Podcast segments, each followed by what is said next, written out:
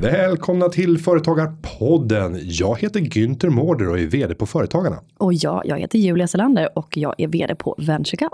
Och den här veckan så djupdyker vi i varifrån kommer pengarna som strömmar in i kommunen via skatt? Vilka är det som betalar in de här pengarna egentligen?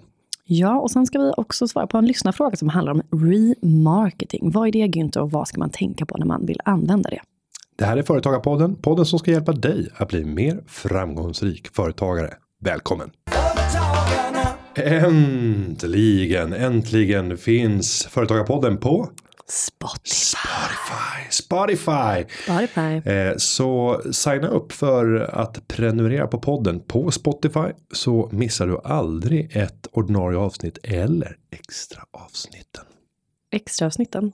Ja, men ibland så dyker det upp något extra avsnitt. Det var ju så här, det här är, det är så här, Celtic, jo, men det, det har det faktiskt gjort. Det finns ju flera gånger där vi faktiskt har släppt två avsnitt en vecka. När det har varit någonting extra. Det har varit något live-evenemang. Det har varit någon extra intervju. Det är inte ofta men det händer. Mm, det Det har- måste börja hända fler gånger nu när vi, när vi uppmanar Ja, till att eh, följa på Instagram. prenumerera på Spotify. Gör det. Som vanligt så finns vi kvar på alla andra plattformar där Ja, poddar finns. ja. Men eh, följ gärna på Spotify. Kul! Och snart är det deadline för, eh, ska man säga, kanske världens främsta och viktigaste affärsidétävling. Det ska man absolut säga, för det är ju sant. Vi talar naturligtvis om deadline i startup, det vill säga Venture Cups eh, tävling för affärsidéer som har kommit lite längre. Sitter du inne på en idé, vilket sannolikheten är hög att du gör om du lyssnar på den här podden, så går du in på venturecup.se och så klickar du på tävla här. Då kan du läsa mer om vad man kan vinna, eh, vad det är vi söker efter och eh, vad juryn tittar på när de utser vinnarna. Men det jag kan säga är att det är alltid gratis, du förlorar ingenting på det. Du kan eh, vinna prispengar, uppmärksamhet och PR och framförallt prispengar sa jag. Så att det är prispengar helt enkelt. Feedback. Alla idéer får feedback. Det är det finaste priset kanske. Det är det finaste vi har i det här landet. Så 2 april, innan dess, det är ja, nästan, det är lite mindre än en vecka, men ni hinner. Så att, Det det, gör ni definitivt. Mm. Lycka till. Själv kommer jag nu de kommande dagarna den 27 till 29 och även de följande dagarna efteråt befinna mig i Åre för det är dags för Åre Business Forum som jag leder för tionde året i rad. Jag börjar bli till åren nu. Det börjar det. Eh, Tror du två- kommer få någon slags jubileumspokal för det? Eh, vi är ju inte många som har varit med sen start. Jag tror att vi kan räknas på två händers fingrar. Så att eh, av totalt 2000 deltagare. Så att det är en, en liten naggande församling. För det var ett väldigt litet första arrangemang 2010. Åker du några skidor nu i år? Ja, inte under själva arrangemanget. Inte under de tre dagarna. Men jag stannar två dagar. För att kunna njuta över helgen. Får man, eh, om man är där och eh, ser dig i backen, får man pitcha sin affärsidé för dig då? Ja det får man absolut göra. Men det man eh, med ännu större glädje får göra det är att utmana mig i backen. För jag är en jäkla tävlingsmänniska. Och jag väger mycket vilket gör att jag får en sjuhelskottas fart. Jag har en hygglig teknik från ungdomsåren. Men där huvudet är, jobbar bättre än kroppen idag. Och sist men inte minst så är du ödmjuk också. Jag är ödmjuk. Så man får gärna utmana mig i, i backen. Eh, Jag skulle vilja säga, gör gärna det och det gör ingenting om man råkar puttas och lite sånt. Vad, har du någon utstickande särk på dig? Det har jag absolut. Jag har en Sverigedräkt som sticker. Nej, Ja, men- jo, jo, men nu låter det här. Man kan gå in och titta på min eh, Instagram. För där har jag faktiskt lagt ut flera bilder från de tidigare tillfällena i året tidigare under året. Men för att eh, Julia ska få beskriva vad är, det vi, vad är det vi ser i den här gulblåa dräkten. Ja, det är en fryntlig man med en Sverigedräkt på sig som eh, Ja, den är blå, vi ska ju förklara färgmässigt. Det är en, jag tror att de flesta kanske vet vad Sverigefärger är. ja, men är den gul med blåa inslag eller är den blå? Nej, den är blå med gula inslag. Ja, Precis som men, men, svenska men den, flaggan. är, den är väldigt eh, typisk kan man säga att det är inte många andra som har den. Det här var ju en otroligt retuscherad bild, eller? Ja det var den. Nu är vi inne på mitt Instagramkonto och tittar på mina mysbilder där jag sitter med, med våt blick och tittar ögon. på mina följare. Men eh, jag så att ni ser ni denna man, eh, lägg fällben och eh, pitcha era affärsidéer för honom. Och det får mig osökt tänka på en annan tilldragelse som utspelade sig på Instagram för en vecka sedan. Eh, ja, jag blev eh, både förnärmad, chockad och sen så började jag fundera över vad håller du på med? Eh, jag sitter eh, som, som jag brukar ibland på kvällen. Tar lite lugnt, varvar ner, tittar på Instagramflödet. Mm. Går in på lite stories. Eftersom jag är inne och tittar på Julia ganska ofta så kommer det upp eh, tidigt i flödet. Mm. Och så Vad bara, ser du för någonting? Jo, då ser jag plötsligt eh, en reklambroschyr från ett av mina egna företag. Mm. Och där det sen börjar komma förolämpande kommentarer där du gör åtlöje av det här reklammaterialet och hela kursen. Du gör åtlöje över prissättningen på kursen. Ja. Att vi har skrivit att det är få platser kvar. Börjar antyda att ingen jävel någonsin kommer gå på den här kursen som är- det här företaget erbjuder. Varpå jag lyfte min telefon, eller den höll jag fortfarande i. Men varpå jag startade eh, och sk- skriva ett meddelande till dig och frågade om du verkligen visste. Ett, att det här var ditt företag. Två, att det går som tåget. Det visste jag såklart inte. Men jag vill eh, även eh, jag vill uppmana er att gå in på min Instagram, Julet Selander. Eh, för där har jag sparat den som en liten story som är sparad där och stjärnmarkerad. Den heter Företagarpodden. Eh, och då kan man se, och då vill jag att ni gärna, jag vill uppmana er alla att gå in alltså på Julet Selander, kolla på storyn som heter Företagarpodden och titta själva. Tycker ni att jag har rätt eller fel att håna denna fruktansvärda broschyr? Den heter alltså, den kom nämligen till kontoret och då står det Kunskap och personlig utveckling för receptionisten och andra som är an- organisationens ansikte utåt. Och där är det fyra personer, man kan bli inspirerad, det är grupprabatt. Gå fem, betala för fyra. Fåtal platser kvar. Och priset är 8990 kronor. Mi- eh, Exklusive moms. Och då undrade jag i mitt stilla sinne, vem i helskotta går på det här? Och vem har liksom fyra receptionister att skicka? Ja, inte vet jag. Jaha. Mm. Så att jag, jag visste inte om att detta var Günthers företag, men eh, jag blev stä- stärkt i själen ännu mer när jag fick reda på att det var det. Det var kul. Mm. Men det är bara hatten av, för det går tydligen jättebra. Det är tydligen väldigt många som vill gå på det här. Jo, och det viktiga för du, Kunskapsgruppen, ja. ja, du reagerade också på, på prissättningen och tyckte att det var, var väldigt dyrt. Nej, men jag tycker ju att exempelvis när vi 9000. tar, vi, vi tar 500 spänn för att gå på Sverigefinalen. Eller nej, vi tar inte ens betalt. Vi, vi tar eh, en no-show fee på 500 spänn. Ifall man inte kommer. Nu skulle jag kunna vara dryg och säger Det säga- beror på hur det- intressant du går på. Nej, ja, jag skulle det, det säger absolut- mer om ert evenemang. Det beror på vår branding. Men jag, jag kan inte för mitt liv förstå att det här funkar. Alltså Ja, så här- jag skulle hellre gå på eh, någons, ursäkta mig nu, begravning än att gå på den här inspirationsdagen. För Och vet du varför? För att du är inte receptionist. Och du jobbar inte offentlig sektor. nej. Eh, huvudmålgruppen för det här. Det är normalt sett. Det här. Vår typkund är Eva 42. Som är offentliganställd och precis fått en chefsroll. Som är på relativt låg nivå. Eh, men här, sin första chefsroll. Fått ansvar inför andra medarbetare. Det är vår primärmålgrupp. Och den kommunicerar man med på ett helt annat sätt än man jobbar. Om du säger inom den svenska startup. Eh, Kan inte du beskriva mig utifrån? Vad är jag för typ? Eh, nej men, Om man är en... nej, men om, vi- om vi ska ta i den värld du lever i. Mm. Då får man säga startup communityn. Om du skulle nämna det ordet för den målgruppen som vi jobbar med. Så skulle de bli livrädda till att börja med. Vårt varumärke var ju från början Greater Minds. Ja. Och det funkar inte. Det var för aggressivt. Ja, det, det, det är för kaxigt. Det är internationellt. Utan då fick vi döpa om oss till kunskapsgruppen. Men varför har ni då skickat detta utskick till eh, Venture? Eh, nej, vi, vi köper ju adresser från eh, Bisnode och från andra källor. Och där sorterar man var det sannolikt finns receptionister. Och då har vi förmodligen byggt en eh, uträkning över antalet anställda. Där tror jag att Venture Cup eventuellt slår fel. För att man kan i sådana där register se att eh, man gör en överskattning av hur många som sitter samlat. För tittar man hur många personer som får sin försörjning från Venture Cup så är det fler än vad som sitter samlat på ett kontor eftersom ni har regionkontor.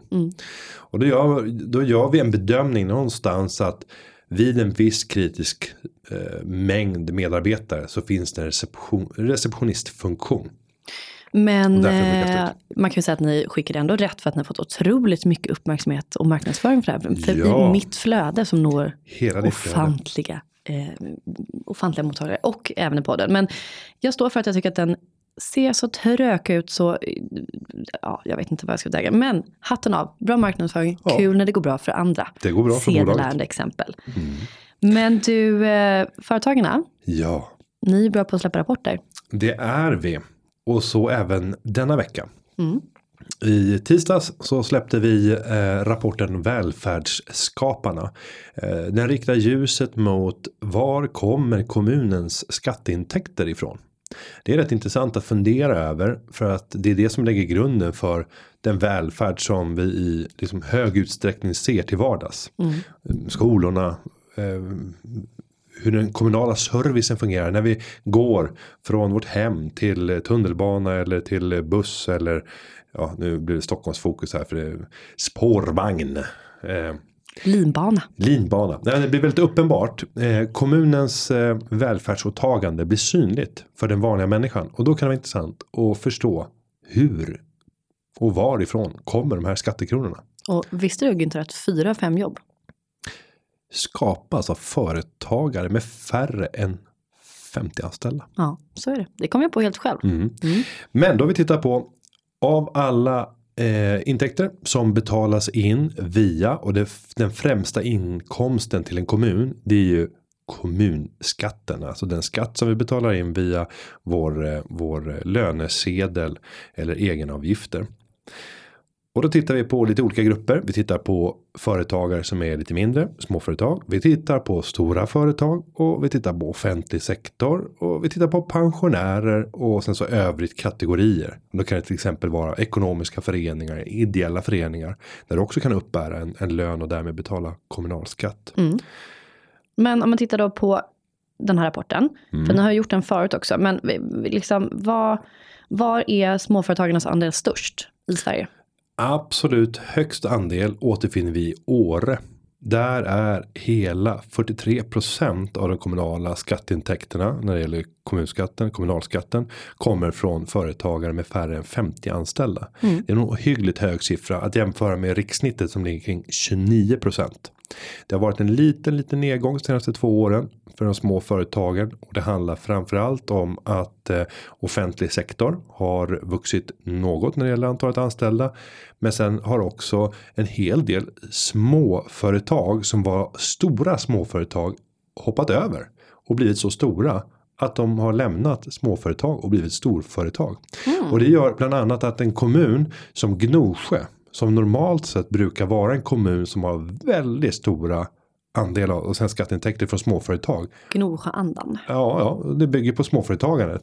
Där har många företag blivit så stora nu att det är stora företag som utgör inte en, inte en större andel, men relativt har de ökat mer än vad De har blivit så stora så de är inte längre är små. Nej, så små, Gnosjö var ju etta när det gällde högst andel av kommunens skatteintäkter från småföretag. Men blev nedputtad av Åre förra gången.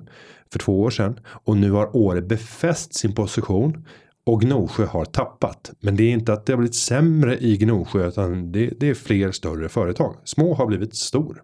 Men vad kan man göra då som kommun om man vill att, ja, om man, om man vill bli som Åre helt enkelt? Om man vill ha fler småbolag som ska blomstra i Ja, men kommunen. om du vet att 29% av skatteintäkterna i snittkommunen kommer från småföretagare. Sen är det dessutom de som skapar fyra av fem nya jobb. Då gäller det att försöka föra en politik i kommunen som gör att företagare vill leva, verka och bo i kommunen. Och vad vill företagare? De vill ungefär lika mycket och likadant som många andra människor. Men jag brukar säga så här att de människorna du vill ha, det är smarta människor. Eh, för tillväxt sker där smarta människor vill vara. Där du får en hög koncentration av smarta människor så kommer det uppstå väldigt mycket spännande saker. Allt ifrån och, och smart, jag lägger ingen värdering i det, utan det kan vara liksom kulturutbudet. Smarta människor inom kultur eh, kulturarbetare som plötsligt etablerar sig på en ort kommer göra att det börjar bli ett blomstrande kulturliv. Eh, smarta människor inom upplevelseindustri och inom mat och dryck kommer skapa restauranger och upplevelser som gör att det blir mer attraktivt. Så det du vill ha det är företagsamma människor. Du skulle kunna översätta till företagsamma människor som ta, tar sig för som går före och är företagare och utvecklar kommunen. Så du och jag ja, Företagarpodden skulle egentligen vilja eh, säga att smarta människor är företagsamma människor. Eh, Det finns även andra typer av smarta människor. jo, men, men, Men jag förstår vad du men, menar. Men, Men- säger så och här, hur sma- ska en du smart locka den här? människa som inte är företagsam, är det värt någonting? Alltså det är någon som bara passivt sitter och är jättesmart. Men Kanske inte nyttjar. berikar sitt, eh, Jag sina själv. middagar. Jag säger själv. Ja, kanske Eh. berikar på internet. Men hur ska man locka de här personerna till, till sin kommun? Ja, hur man lockar smarta människor. Jag brukar säga att det, det finns en eh, positiv och negativ spiral. En eh, kommun som lyckas visa att här händer det grejer. För att man lyckas få fart på de företagsamma människor som finns i kommunen. Där blir det som en positiv spiral. Där det blir snack om allt nytt som händer. Det har öppnat en ny, ny restaurang. Hörde ni att det är på väg att etablera ett nytt hotell? De håller på att satsa på en ny anläggning för eh, idrott. Alltså, när det börjar hända saker och blir en positiv spiral. Då föder det också en anda som gör att andra tar vid. Och använder den energin till att utveckla en kommun. Om vi ska ta andra sidan, vad är det? Hur, hur karaktäriseras en sån kommun? Jo, det är oftast någon där man förlitar sig helt på någon annan. Till exempel en så här offentlig inrättning. Man förlitar sig på att försvarsmakten ska stå för alla jobben här. Eller att det finns stora statliga arbetsgivare. Där det kan vara statliga företag eller offentliga instanser eller myndigheter. Där man bara förväntar sig att någon annan ska föda de som lever och bor där med arbete. De ska ta ansvar för bygden. Och där skulle man kunna gå ner till den här som man ibland brukar prata om i lite negativa termer. Så här, bruksmentaliteten. Egentligen så skulle det kunna vara ett vackert ord. Men bruksmentaliteten har ofta en negativ klang idag. För det är inte en mentalitet som främjar företagsamhet. Där smarta människor får utlopp för sina, sin företagsamhet. Utan här handlar det ofta om att det är liksom den gamla tanken om brukspatronen som sitter och kontrollerar allting. Ser till att försörja sitt folk som ska arbeta och generera värdena på bruksorten. Och sen säljs det vidare någon annanstans för förädling. Och det är egentligen mardrömmen i dagens kunskapsintensiva samhälle. Där vill du ha många specialiserade och smarta människor som hittar på saker. Och det har Åre varit duktiga på. Där är det naturligtvis så att miljön med Sveriges mest attraktiva skidåkning med tillägget när vädret tillåter. För det där är en stor baksida med Åre. Att vädret är otroligt nyckfullt. Men en fin dag i Åre är närmast oslagbar. Förlåt riksgränsen. Men det är mycket svårare att överhuvudtaget eh, se att det är ett, ett möjligt substitut. Det är två helt olika typer av skidåkning. Men det är svårt att kunna jämföra det. Med hela det utbudet som finns koncentration kring Åreby. Det gör att många från stora städer i Sverige står beredda att ta sin tjänsteverksamhet som man kan leverera varifrån som helst. Bara telefon och dator så kan du ha kontakt med dina kunder. De står beredda att köra en eller två dagar i den stora staden och sen flyger man hem till Åre där man är skriven och levererar värdena, kombinerar det med skidåkning, får en lugnare, eh, ett lugnare liv och en högre livskvalitet. Och, och de har lock, lyckats locka och jag, de har inte, jag tror inte att de har jobbat sådär överdrivet aktivt från kommunens sida. Det är inte min erfarenhet när jag pratar med företagare i Åre. Utan det handlar snarare om att de här smarta människorna de lockar varandra. För de börjar berätta om hur härligt det är. Och du, jag tror du också har bekanta som har flyttat upp. Det finns personer i våra närheter som ja, har lämnat liksom Stockholmslivet och haft drivit startups här i Stockholm. Och sen flyttat upp till, till Åre för att komma åt ett helt annat typ av liv.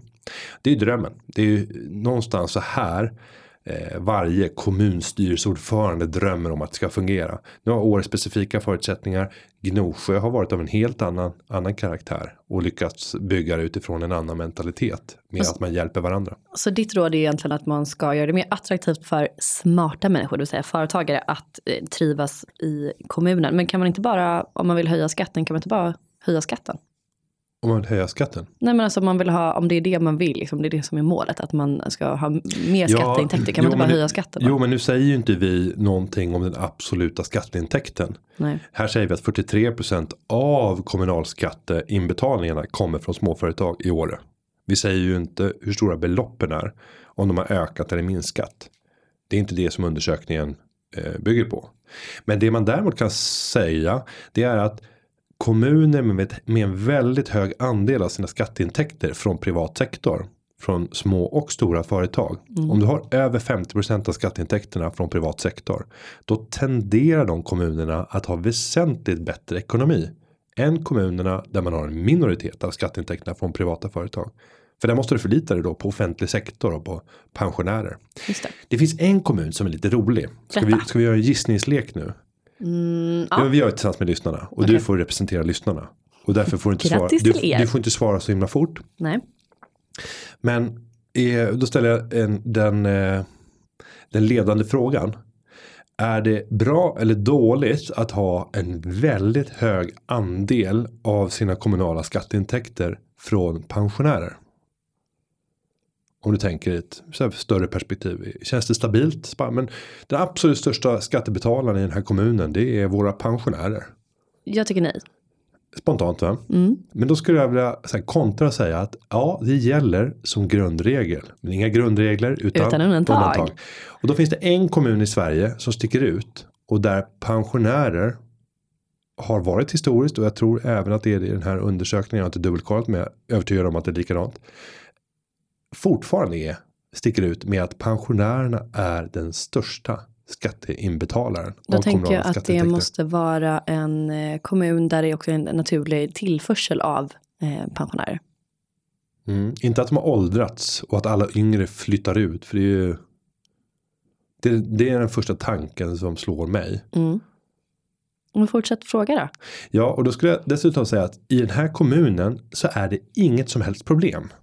Att det är just pensionärerna som är den största skatteinbetalaren. Jag skulle, om jag var kommunstyrelsens ordförande så skulle jag inte känna någon som helst oro inför det här. Även om jag då kan kalkylera med att de här borde ju dö, dö av.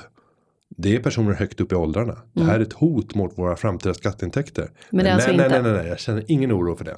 Okej, ett naturligt inflöde av personer som eh, åldras. Så att det inte bara är så att de dör ut. Och får jag hjälpa så här, med en positiv ledtråd. Gärna. De pensionärerna som flyttar in tror att de har väldigt små inkomster eller väldigt höga inkomster om pensionärerna ska stå för en väldigt stor andel av skatteintäkterna. Nu gör du sådana här pedagogiska rörelser. Stor.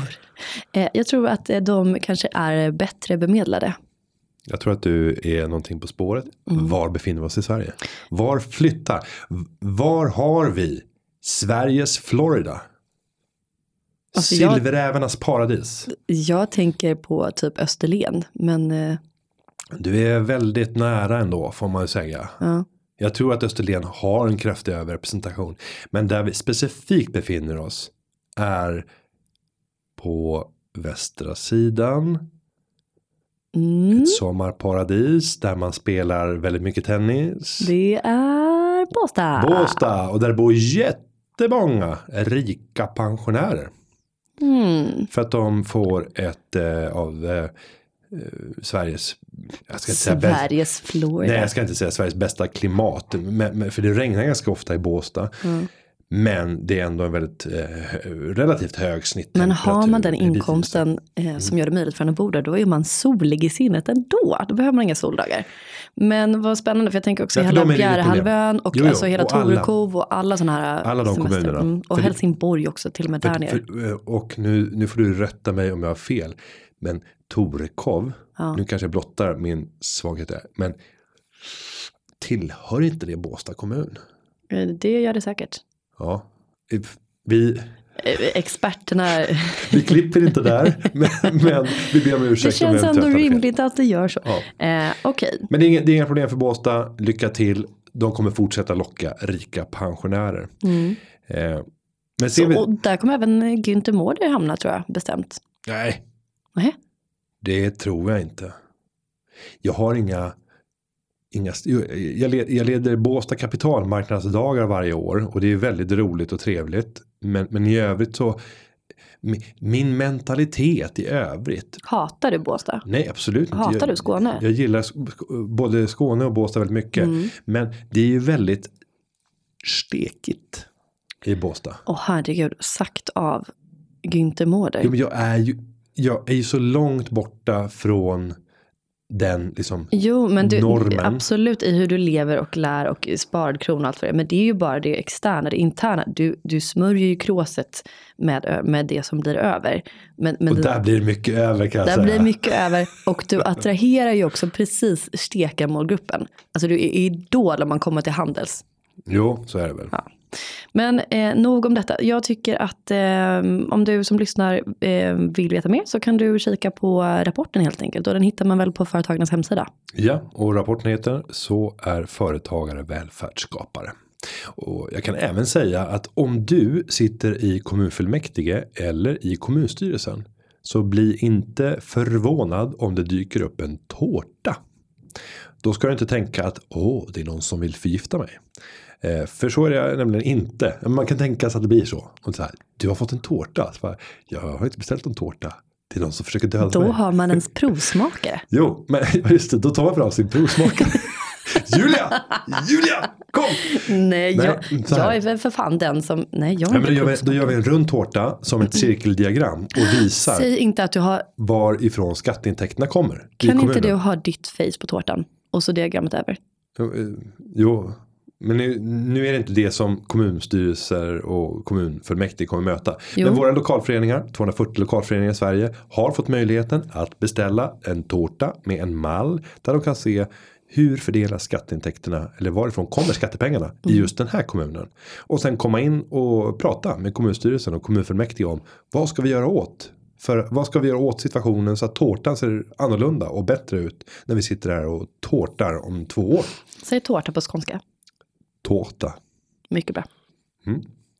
Eh, med det så lämnar vi tårta och välfärdsskapare och kommunala skatteintäkter för att ge oss in på en lyssnarfråga. Den här podden, den bygger på lyssnarfrågor. Det kanske du visste Günther? Ja, om jag inte har fel så skickas oftast dessa lyssnarfrågor in via en hashtag som är hashtag företagarpodden på Instagram och på Facebook. Nej, på, på, på Instagram och på Twitter. Mm. Eller så använder man formuläret som finns på företagarna.se där man kan skriva lite längre. om Det kan man behövs. göra. Och eh, vi vill nämligen ta upp en sån här lyssnarfråga ur högen. Och här kommer den. Charlotte i Eskilstuna, hon frågar. Hej, jag ska precis börja sälja kläder via e-handel och funderar på att börja med remarketing. Hur fungerar remarketing och har ni några tips? Ja, Günther, då ska vi väl börja med att definiera vad är remarketing? Ja, och vi ska väl börja med att säga att vilka är vi att svara på det här? Nu är det säkert jättemånga som kommer skratta åt det här, men vi tar det på en väldigt grundläggande nivå, tänker jag. Eh, Tala för dig själv. absolut. Nej, jag skojar.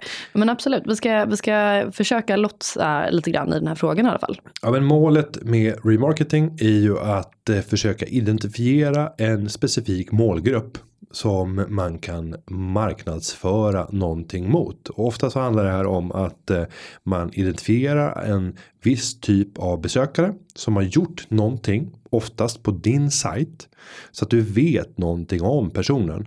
Och sen så köper du AdWords, vilket betyder att det kommer dyka upp reklam i andra sammanhang för den här personen. Och då kan du rikta den marknadsföringen så att det passar den här specifika personen. Ska vi ta några exempel? Ja, men det ska vi. Men om man också lyssnar på själva namnet remarketing, det är alltså någonting som händer igen. Re.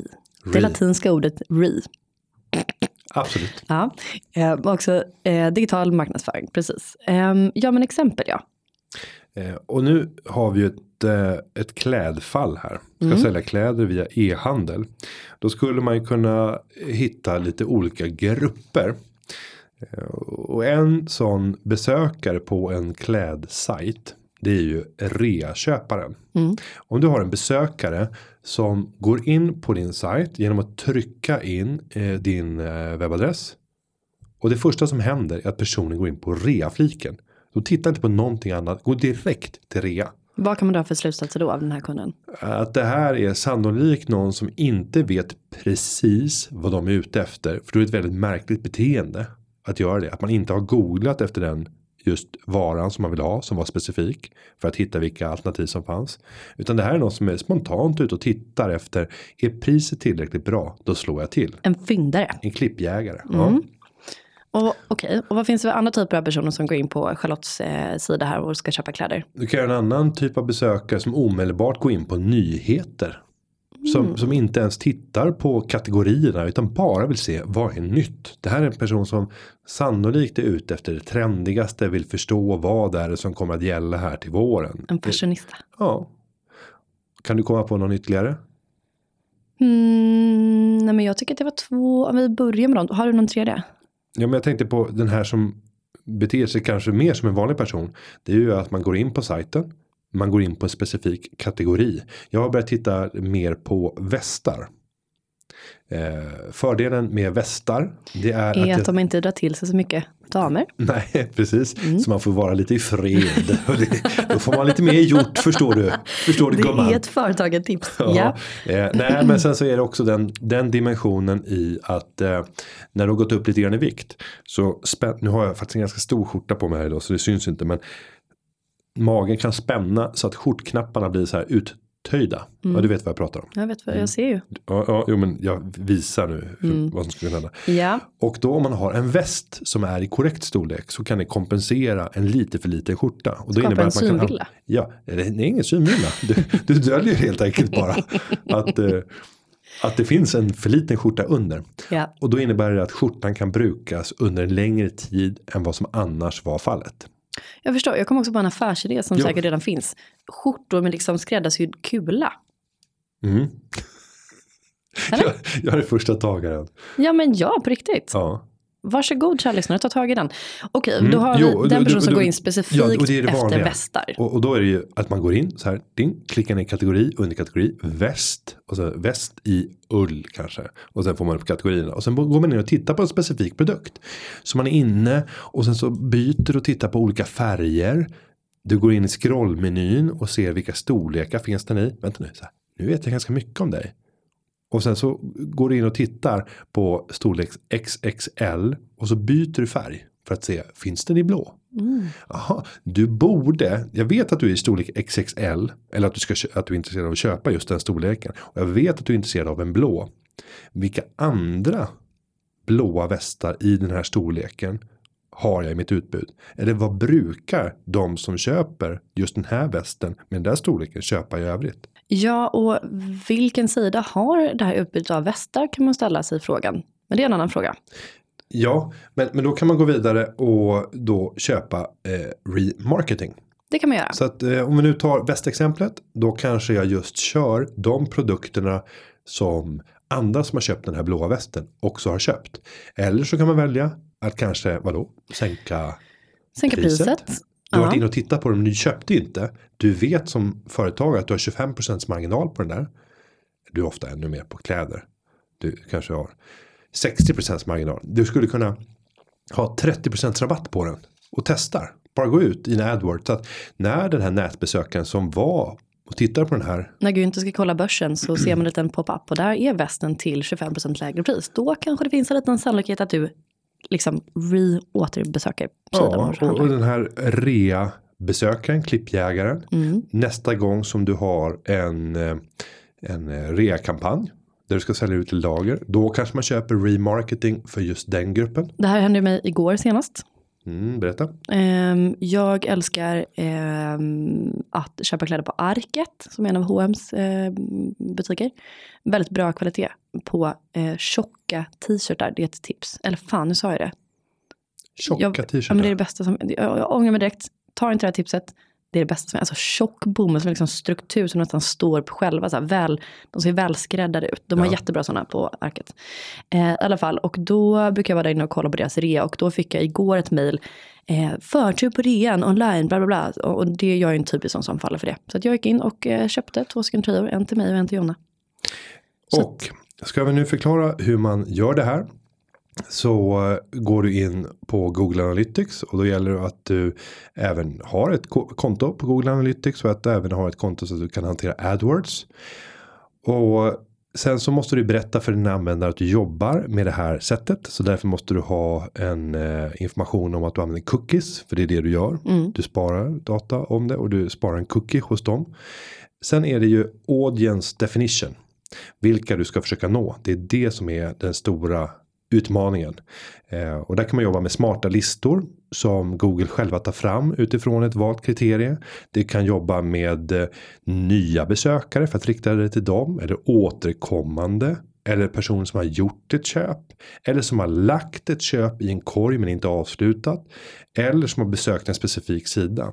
Och utifrån de här olika kategorierna så kan du sen gå vidare för att köra olika reklambudskap i remarketing mot mm. den gruppen för att på så sätt öka din konvertering. Och några av de sakerna man ska tänka på också är ju vilken tidpunkt man mm. säljer olika saker. Så gör du en kampanj för någonting, tänk då på att ja, men du kanske inte ska sälja den där maskeraddräkten efter att maskeradtiden är över. För då får du sannolikt... Halloweenprylarna, eller så julgrejer. Att bara för att någon har varit inne och tittat på julgrejer så kommer de säkert inte vilja köpa det två veckor senare efter Nej. jul. Men det finns mycket tips och tricks. Men eh, det här var en liten första sondering i eh, ämnet remarketing. Hoppas att eh, det går bra för dig Charlotte. Skicka gärna in hur det går. Lycka till. Mm. Lycka till.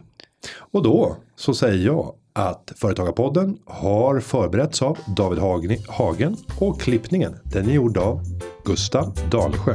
Glöm nu inte heller att gå in och lämna in era affärsidéer innan 2 april på venturecap.se. Vi hörs nästa vecka. Nästa vecka. Hej då! Hej då! Företagarna. Ja, ja, ja, ja, ja, ja. Företagarna. Ja, ja, ja, ja, ja, ja.